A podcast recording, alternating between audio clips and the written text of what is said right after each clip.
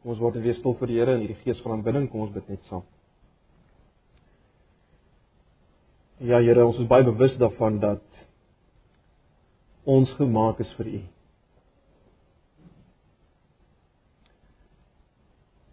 Ons is geskep na U beeld. En wat U wil doen deur die evangelie is om ons al meer weer te verander na U beeld met die een doel en dit is om U te verheerlik, U op te lig, U wonderlik voor te stel in die wêreld.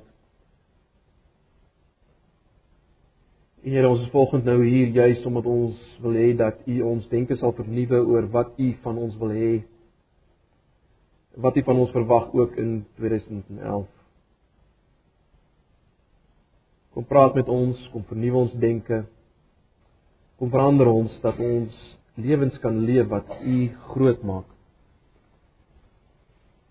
in ons gesinne, in ons gemeente in Pretoria in die wêreld. Asseblief, ons verlange is na U, ons verwagting is van U. Here, U ken ons, U ken myself, my eie sonde, gebrokenheid, swakheid. Kom lê dit voor U. Ek wil vra dat U nou waarlik in ons midde sal wees en sal werk tot eer van U naam. Amen. Nou broers en susters, uh, ons gaan nie onmiddellik uh, nou 'n gedeelte lees nie, soos die gewoonte is nie. Ons gaan ook nie vanoggend 'n uh, een gedeelte vat en dit uitpluis en uitlê nie. Uh ek wil meer 'n uh, gedagte met julle deel en ons gaan na julle paar skrifgedeeltes kyk. So hou asseblief die die Bybels byderhand. Uh maar ons gaan nie nou onmiddellik 'n gedeelte lees nie, maar asseblief hou die Bybels byderhand en volg my. Veronderstel vir 'n oomblik dat jy uh besluit om 'n huis te bou. Jy maak 'n lys van al die benodigdhede, boumateriaal wat jy nodig het. Jy maak 'n oproep.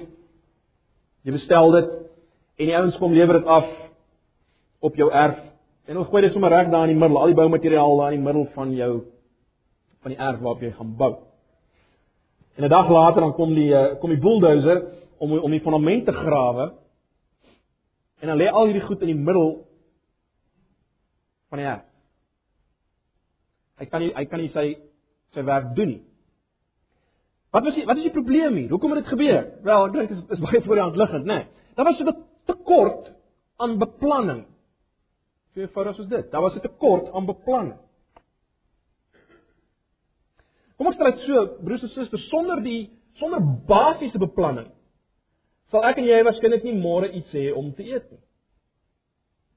En sonder fyner beplanning kan mens nie 'n huis bou nie, jy kan nie 'n winkelsentrum bou nie, jy kan uh in 'n woonbuurt bou nie, né? Kom ek stel dit nog nog vat dit nog verder. Uh behalwe vir vir die basiese impulse van jou liggaam kan niks gebeur sonder beplanning. Niks. Nou ek ek dink tot op hierdie punt sal julle almal met my saamstem. Dink nie iemand vanoggend my gaan verskil nie. Nee. Ons het nodig om te beplan. Ons nodig om te beplan vir vir fisiese behoeftes. Né? Nee, materiële behoeftes. Ek dink die meeste van julle uh doen dit. Beplan vir fisiese dinge, né, nee, materiële dinge. Uh julle almal neem stappe sodat daar genoeg kos is in die huis, genoeg klere om aan te trek ensovoorts. Maar nou, broers en susters, uh ek wonder Ek wonder of ons ons geestelike behoeftes so ernstig opneem.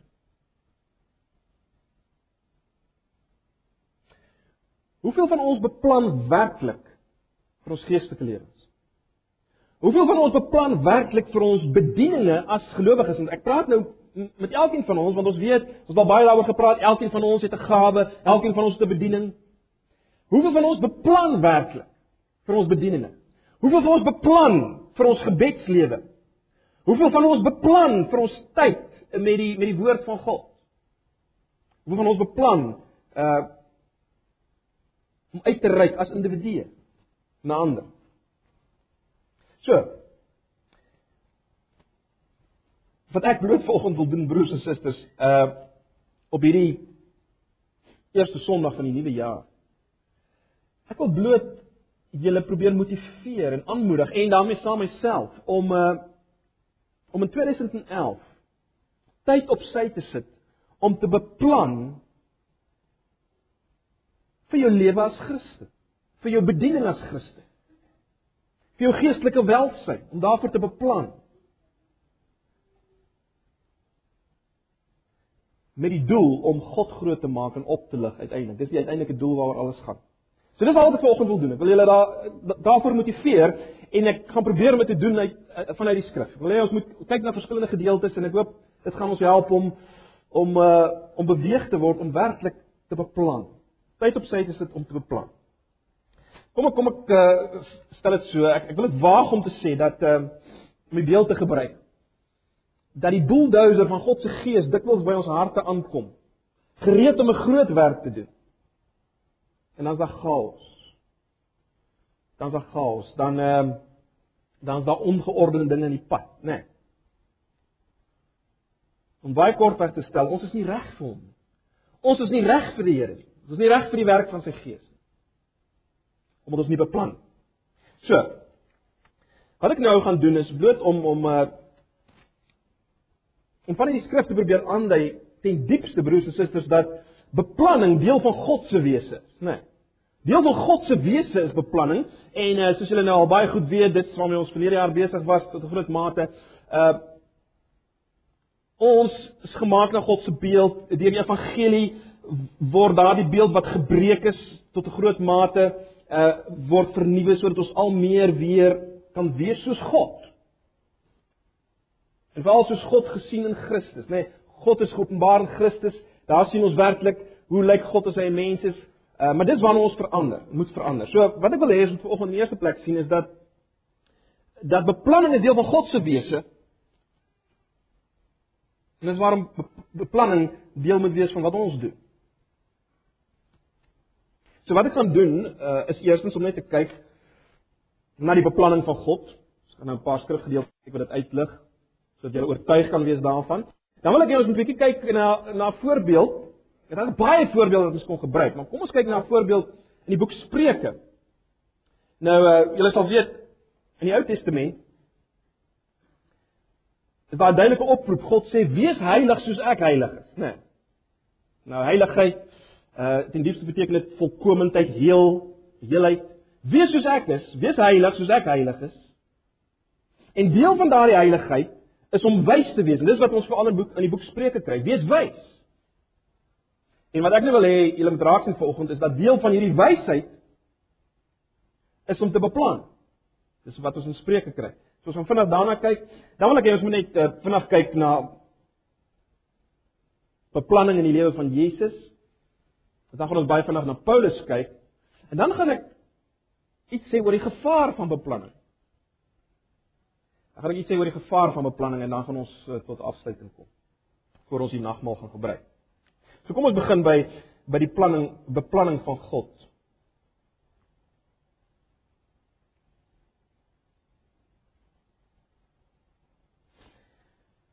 Nou het gesê, uh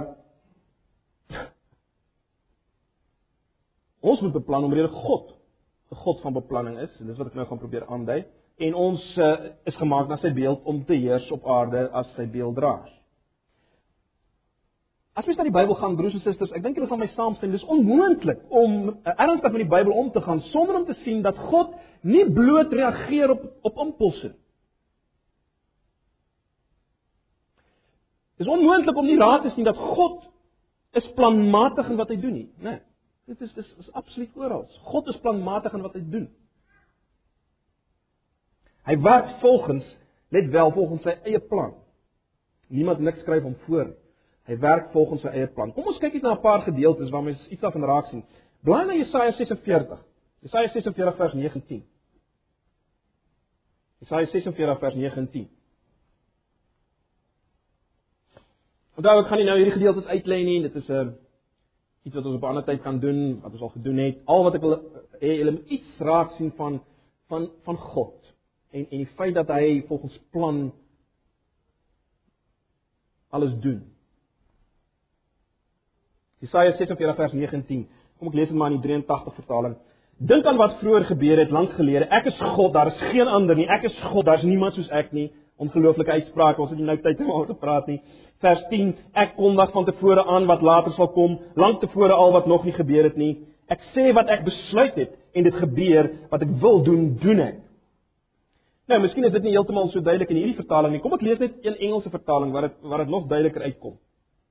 I am God and there is no other. I am God and there is none like me, declaring the end from the beginning and from ancient times things not yet done. Saying, luister nou, saying, my counsel shall, shall stand and I will accomplish all my purpose. I will accomplish all my purpose. Baie duidelik, planmatigheid.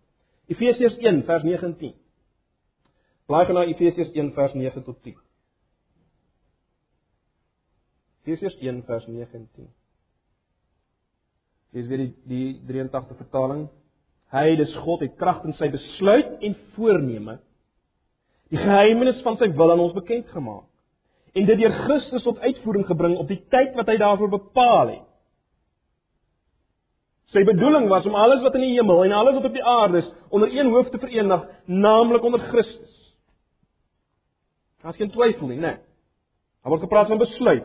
Daar word gepraat van voorneme. Daar word bepaal van dinge wat bepaal is.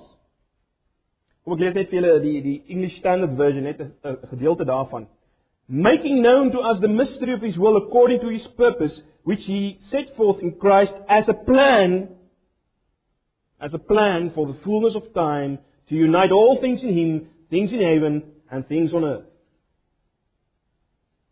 Baie duidelik. Planmatigheid. God se plan om alles uiteindelik onder Christus te bring. Dis beplan.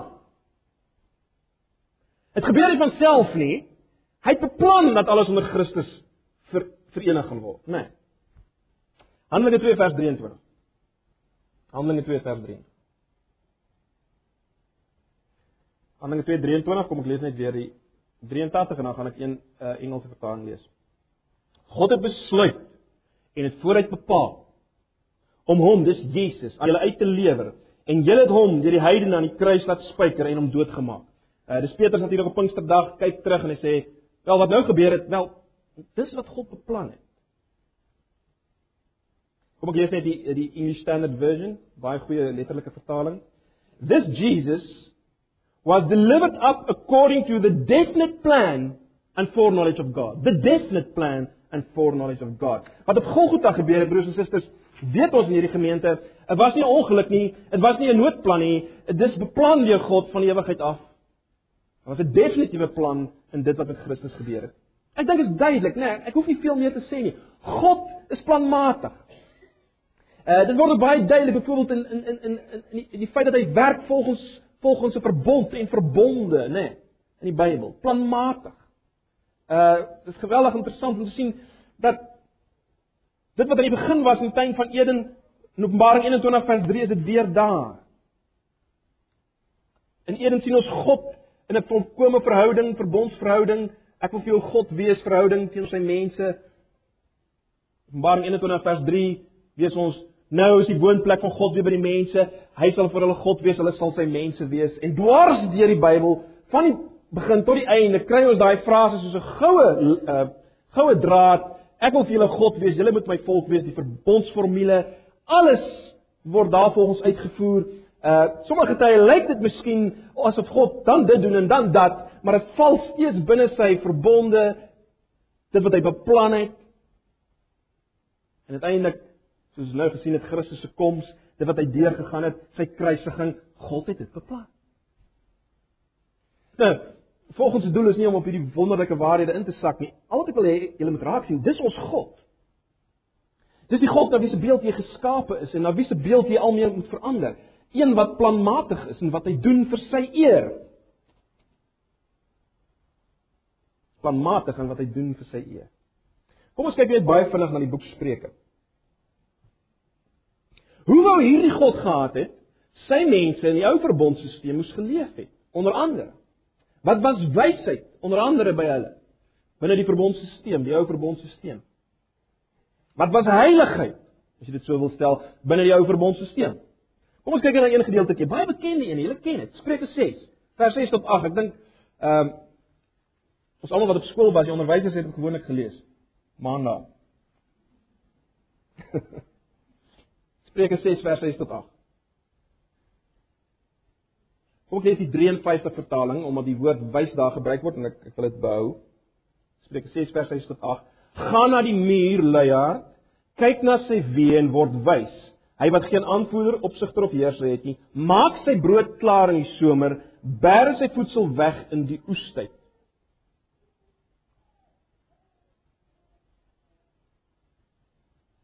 Nou, baie belangrik. Uh wat ek moet onthou, so ek sê in in in Spreuke die wyse is die persoon wat leef volgens die ou verbondsraamwerk raamwerk wat die Here dien, né? Nee. Hy's wys. Aan die ander kant is die een wat dit nie doen nie is dwaas of hy's 'n luiaard. Dis is altyd die kontras in in in in die boek Spreuke. En nou kom die Here en hy wys die een wat wys is, wat wil wys wees, moet kyk na die muur. Nie omdat die muur so besonder is, besonder is nie, maar die muur is 'n skepsel van die God wat besonder is en die God wat besonder is en uh, vol planmatigheid is, het die muur geskep met planmatigheid.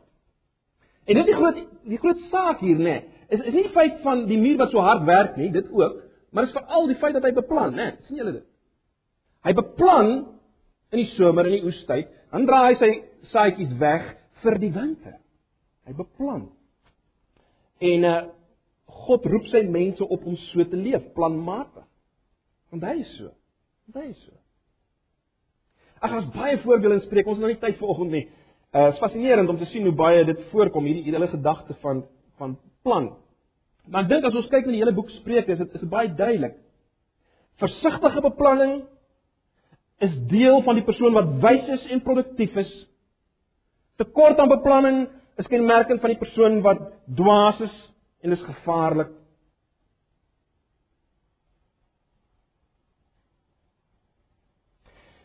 En broers en susters, hierdie waarheid word verkondig in Spreuke en dis waar selfs al leer dieselfde boek Spreuke dat ons ten diepste nie weet wat die toekoms inhou nie en dat ek en jy ten diepste nie beheer het oor die toekoms nie. Selfs al is dit waar word hierdie waarheid van beplanning uh baie sterk uitgelig, né? Nee, ons ons weet Spreuke 16 vers 9 sê 'n mens beplan sy pad, maar die Here bepaal hoe hy loop. Spreuke 16 vers 9. Maar jy sien, dit trek nie 'n streep deur die feit dat ons moet beplan nie. Baie belangrik. Dit moenie lei tot 'n soort van 'n ag wat ek hoef nie te beplan nie. Die die, die Here doen mos maar al die goed. Nee, inteendeel. Inteendeel. Dit beteken dat ons ons beplanning, ons werk sal opdra aan die Here en sal vertrou dat hy dit sal bevestig in ooreenstemming met sy doelwitte. Ons is nie stokke en blokke nie. Ons is sy bondgenote. En hy wil hê ons moet beplan. En hy sal besluit hoe hy dit in inkorporeer in sy eie beplanning en ons moet dit van hom pleit.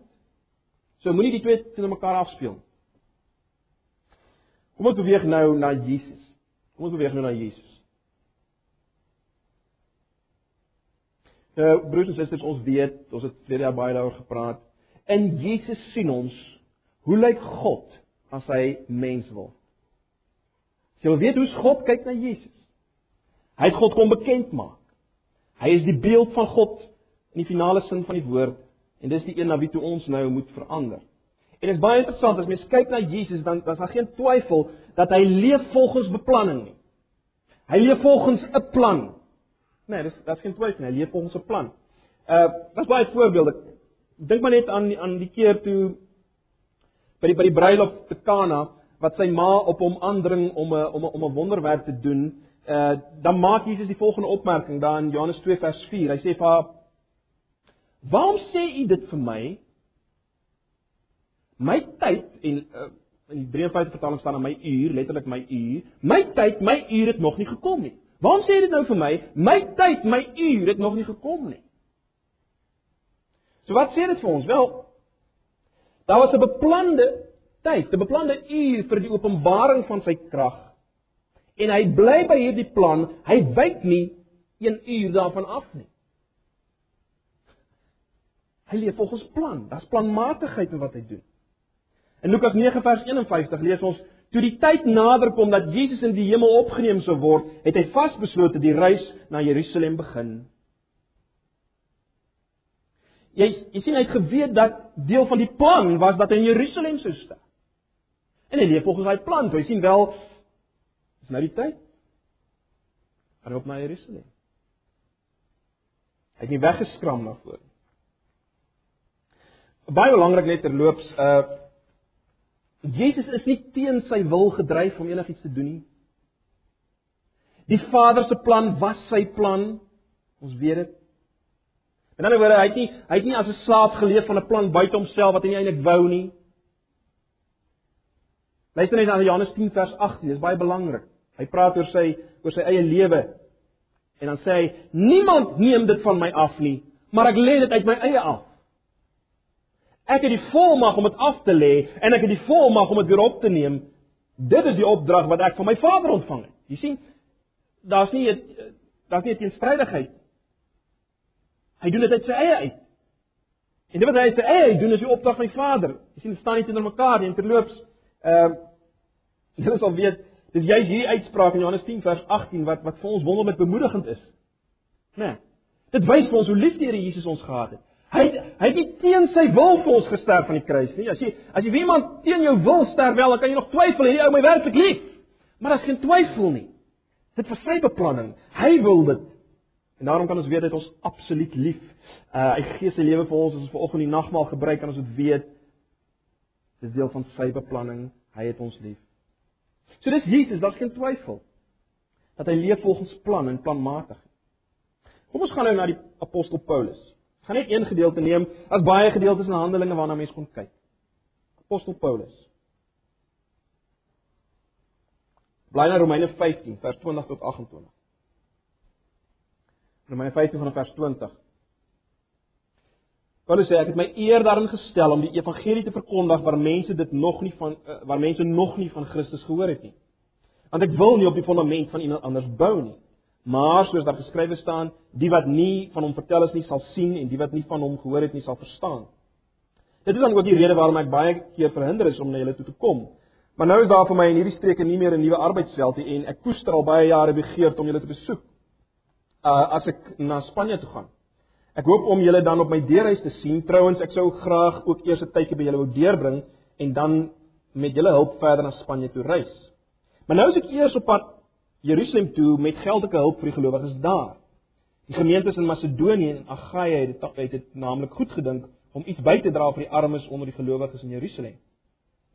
Hulle het self so besluit en hulle is dit buitendien ook verskuldig want as die gelowiges uit die Jode hulle geestelike rykdom met die heidene nasies gedeel het, is die gelowiges uit die heidene dit aan die gelowiges uit die Jode verskuldig om hulle met stoffelike hulp by te staan. As ek daarmee klaar is en die volle bedrag wat ingesamel is veilig aan hulle besorg het, sal ek by julle langs na Spanje toe reis. Nou, hier's 'n tipiese voorbeeld van hoe Paulus sy sy sending uitvoer, né? Nee. En dit is baie belangrik uh vir ons persoonlike bedieninge, vir ons uh bediening binne die gemeente om om te kyk na Paulus en te leer by hom.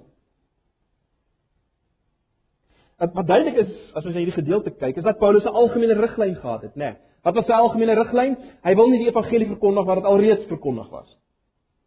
En dan volg daar 'n baie spesifieke plan vanuit hierdie riglyn. Eerstens, hy sou die die die die uh, geldelike hulp na Jerusalem vat. Dan sou hy na Rome gaan om 'n westelike basis daar te stig en van daar sou hy na Spanje gaan. Nee, dis baie duidelik as jy hierdie hele gedeelte lees. Dit was sy beplanning. Nou, wat alles baie betekenisvol maak broers en susters is dit. Sy beplanning het misluk. dit het misluk. Jy sal weet hy's gearresteer in Jerusalem. Uh in in Rome is hy uh gevange geneem of hy gaan na Rome as as gevangene en uh waarskynlik het hy nooit Spanje bereik nie. Jy sien weer eens net soos in Spreuke, is dit baie duidelik God is die finale faktor. Maar dit sluit nie ons beplanning uit nie. Ons moet beplan. Dis wat God wil. En die ongelooflike is God gebruik ons beplanning selfs as dit misluk. Selfs as hy bewyse van spreuke streep daardeur trek, gebruik God dit. En dit dit word fascinerend gesien in Paulus, is dit nie? As as Paulus nie beplan het om Rome te gebruik as 'n basis van voorbereiding vir sy eh, vir sy besoek aan Spanje nie, wel dan sou die belangrikste brief wat hy ooit geskryf het en wat ooit in die wêreld uitgegaan het, waarskynlik nooit geskryf word nie. Ons praat van die boek Romeine, nê? Nee. Die brief van die Romeine. Sou nooit plaasgevind het. So met ander woorde, beplanning broers en susters is kardinaal belangrik vir die Christelike lewe en vir ons Christelike bediening, selfs al deur kruisgod dit en en en en laat dinge totaal anders uitdraai. Neem dit nie weg van die feit dat ons moet beplan. Net voor ons afstap van Paulus. Julle is baie bekend met sy uitspraak in Filippense 3, né? Nee, Filippense 3 vers 10 tot 11 waar Paulus sê: "Al wat ek wens, luister mooi. Al wat ek wens is om Christus te ken, die krag van sy opstanding uh te ondervind en deel te hê aan sy lyding, deur aan hom gelyk te word in sy dood in die verwagting dat ek self deel sal hê aan die opstanding uit die dood." Jy sien al sy beplanning Dit wat ons nou hier gesien het, sy beplanning rondom sy besoek aan Spanje en so meer, dit alles was weer onderworpe aan hierdie groot plan, naamlik om soos Christus te wees. Dit was sy uiteindelike doel om gelyk te word aan Christus. En dit is baie interessant. Hy wil uh hy, hy praat eerstens van die opstandingskrag en dan van lyding, né? Nee. En ek het al vir julle gesê, met ander woorde, hy wil hy wil krag hê vir lyding. Hy wil krag hê vir lyding. Krag en swakheid.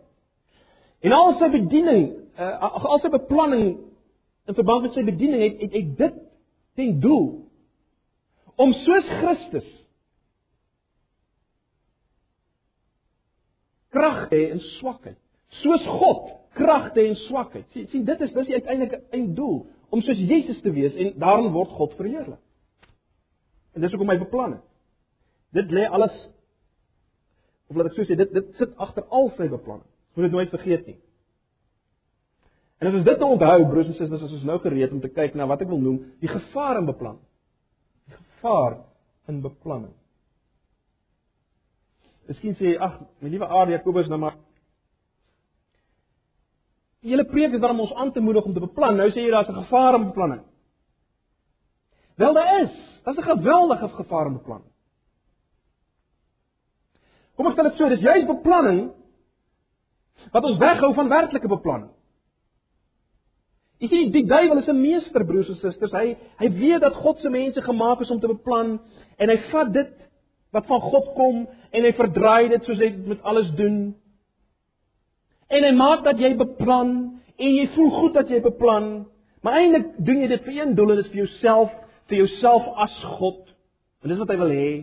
Hy wil hê jy moet jou eie God wees. Jou beplanning moet net een doel hê en dis jouself. Dan is hy gelukkig. So daar's 'n gevaar.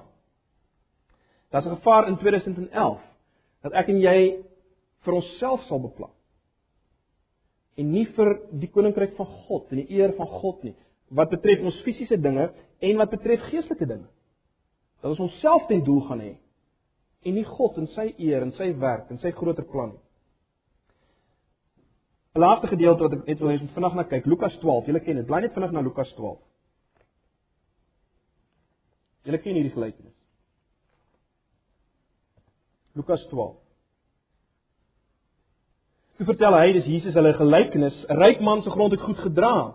Hy het toe by homself gedink, wat moet ek doen? Ek het nie plek waar ek my oes kan opgaan nie. Toe besluit hy, toe besluit hy, dit sal ek doen. Ek sal my skure afbreek en groter bou. Daar daarin sal ek al my graan en my ander goed opgaar dan sal ek vir myself sê mens jy het baie wat weggesit is vir baie jare op met werk eet drink en leef lekker maar God het vir hom gesê jou dwaas vannag nog sal jou lewe van jou opgeëis word en wie kry dan alles wat jy bymekaar gemaak het?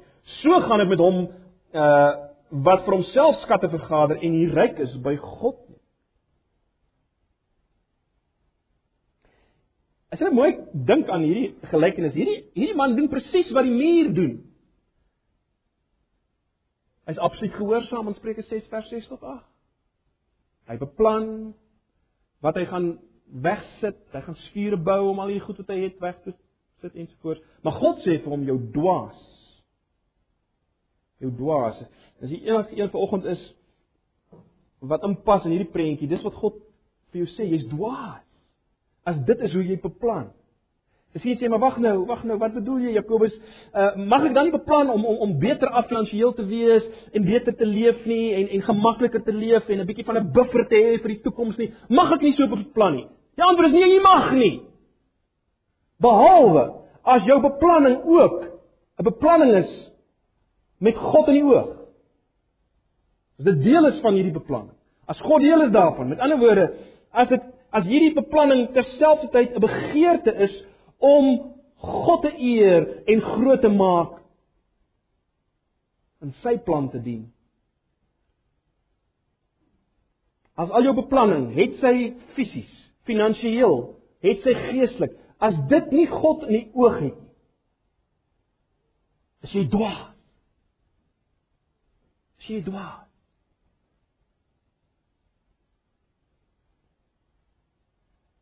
Dis die vraag, broers en susters, in my beplanning gaan dit oor God ten diepste. Jy, jy sien ons praat nie van van van 'n van 'n ritualistiese ding, 'n uh, uh, weer iets wat ek moet doen. Die vraag is gaan dit oor God en al sy eer. Uh of jy eet of drink of wat jy ook al doen, sê 1 Korintiërs 10:31, uh verheerlik God. Dis waaroor dit gaan. Augustinus het al uh hierdie wonderlike gebed gebid. Ek het dit al vir julle genoem in 'n ander konteks. Maar luister net weer daarna. Hy het gesê He loves thee too little, who loves anything together with thee which he loves not for thy sake.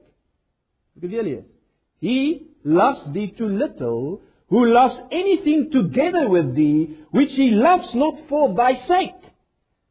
Dit geld vir jou beplanning. Geld op jou vir jou beplanning. Pas dit toe op jou beplanning. Is dit vir sy onthaalwe? Anders het jy hom nie lief nie. Anders beplan jy te min. Anders het jy hom nie lief nie. So, broers en susters, met dit in gedagte, pas dit toe in 2011. Beplan in 2011. Beplan hoe jy tyd gaan maak vir al die verhoudinge in jou lewe. Die verhouding met jou vrou, die verhouding met jou man, die verhouding met jou kinders, verhouding met jou vriende. Beplan dit, maar hoekom? Met die oog daarop om God op te lig en groot te maak in dit. Om hom in dit lief te hê. Beplan uh Hoe jy gaan gesond en fiks bly, beplan dit. Hoekom? Sodat jy beter en langer hom kan dien en deel kan wees van van sy taak mag op aarde as ek dit so kan stel. Dis hoekom jy gaan beplan om fiks te wees, gesond te bly. Beplan genoeg slaap. Hoekom? Sodat wakker kan wees en skerp kan wees vir die Here vir sy werk, vir my bediening. Beplan hoe jy gaan eet. Beplan wat jy gaan eet en vir wat jy gaan nee sê. Hoekom? Nie sodat jy op die voorraad van 'n tydskrif kan kom nie. Onthou julle wat het ons al mekaar gesê? God wil ons liggame gebruik vir hom, vir sy eer,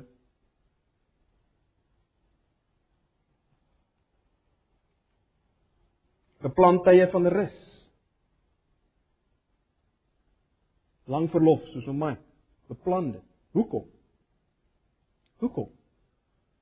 So jy kan teruggaan en met meer vrug kan werk. Dis hoekom jy dit beplan.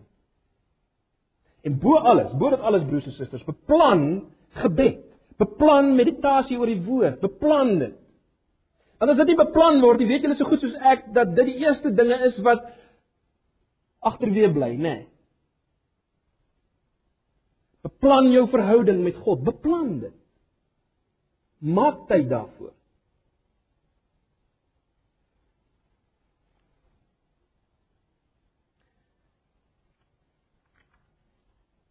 My begeerte is dat ons is dat ons hierdie jaar aan die begin van die 23ste af 'n week sal hê van gebed. Uh ek het dit beplan want ek weet as ons dit nie gaan beplan nie, dan gaan dit nooit gebeur nie. En dan gaan God nie werk nie, want ons bid nie. Soos wat dit beplan, né? Dis 'n voorbeeld. Broers en susters, kom ons maak dit deel van ons lewe om te beplan. Met ander woorde, wat ek werklik wil pleit voor is sit elke week tyd op sy vir beplanning. En aangesien Sondag, let wel, die eerste dag is van die week, nie die laaste dag van die week nie. Wat Sondag? Sondagmiddag. Sondaand. En beplan die week met hierdie doel en gedagte waaroor ons nou gepraat het, né? Nee. In ander woorde, beplan wat jy gaan lees in hierdie week. Wie jy gaan besoek. Met wie jy gaan tyd spandeer. Hoeveel en wanneer jy gaan bid hierdie week. Beplan dit. Ek wil regtig vir julle aanbeveel, beplan dit.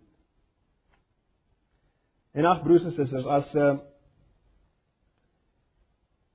as jy wil moeg word vir beplanning, dink daaraan dat God in al sy beplanning jou in die in 'n sin in die oog gehad, jou hoogste vreugde. En sy beplanning was jy en jou hoogste vreugde in hom en in sy verheerliking. Daarom is my oproep aan jou, maak sy verheerliking jou beplanning. En in die feit dat jy hom gaan verheerlik in jou beplanning, gaan jy jou grootste vreugde beleef, né? Nee, al jy daaroor gepraat. As jy moeg is, dink aan wat hy gedoen het vir jou. En beplan vir sy eer. Weet jy wat die wonderlike As jy so begin leef, gaan jy begin agterkom dat jou beplanning word al meer God se beplanning. Want God se plan is sy eer en sy verhoging in die redding van mense en in die vreugde wat hulle uiteindelik in hom vind. Dis sy plan. Om uiteindelik alles, soos gesien het, onder Christus te verenig. Dis sy plan. En en en dis waarna ons moet beweeg dat ons plan en God se plan nie meer verskil nie, broers en susters. Al meer een word. Dis sy begeerte vir ons in 2011. Dis moontlik. Dis wat hy vir ons wil. Ons is sy beelddraers. Dis waarna ons moet verander. Deel van ons Christen wees. So kom ons maak dit ons eh, ons passie vir 2011 om beplannend elke week in te gaan vir sy eer, vir ons geestelike groei, vir ons verhouding met hom, maar uiteindelik vir sy eer. Mag die Here ons aan help. Mag hy ons waarlik deur sy gees die krag gee om dit te doen. En uh, mag ons sien dat hierdie dinge staan nie teenoor mekaar nie. Ons wil hê die gees van God moet werk. Soos jy het beplan. En God se gees sal sal begin werk onder ons. Amen. Kom ons bid net saam. Ag Here, ek wil vra dat U vir ons die genade sal gee om werklik in hierdie jaar in 2011 te beplan as as U beelddraers, as U kinders vir U eer vir u koninkryk. Asseblief, help ons daarmee. Gee ons elkeen 'n begeerte om dit te doen. Nie vir onsself nie, Here, maar vir u. Help ons elke dag om om bewus te, te wees en te word van van waarvan ons deel is en waarom waaraan ons deel het, waarheen ons op pad is. Asseblief, ons vra dit van U, ons pleit dit van U. En nou wil ons vra, Here, as ons nou die nagmaal gebruik, hierdie tekens, wil U ons daarmee versterk. Bemoedig. Asseblief. Vra dit in Jesus se naam. Amen. Ons susters mag hierdie genade van Here Jesus en die liefde van God en die gemeenskap van sy Heilige Gees met julle wees en bly in hierdie week ook as julle gaan beplan hoe julle hom maksimaal kan verheerlik en leer ken in hierdie jaar. Amen.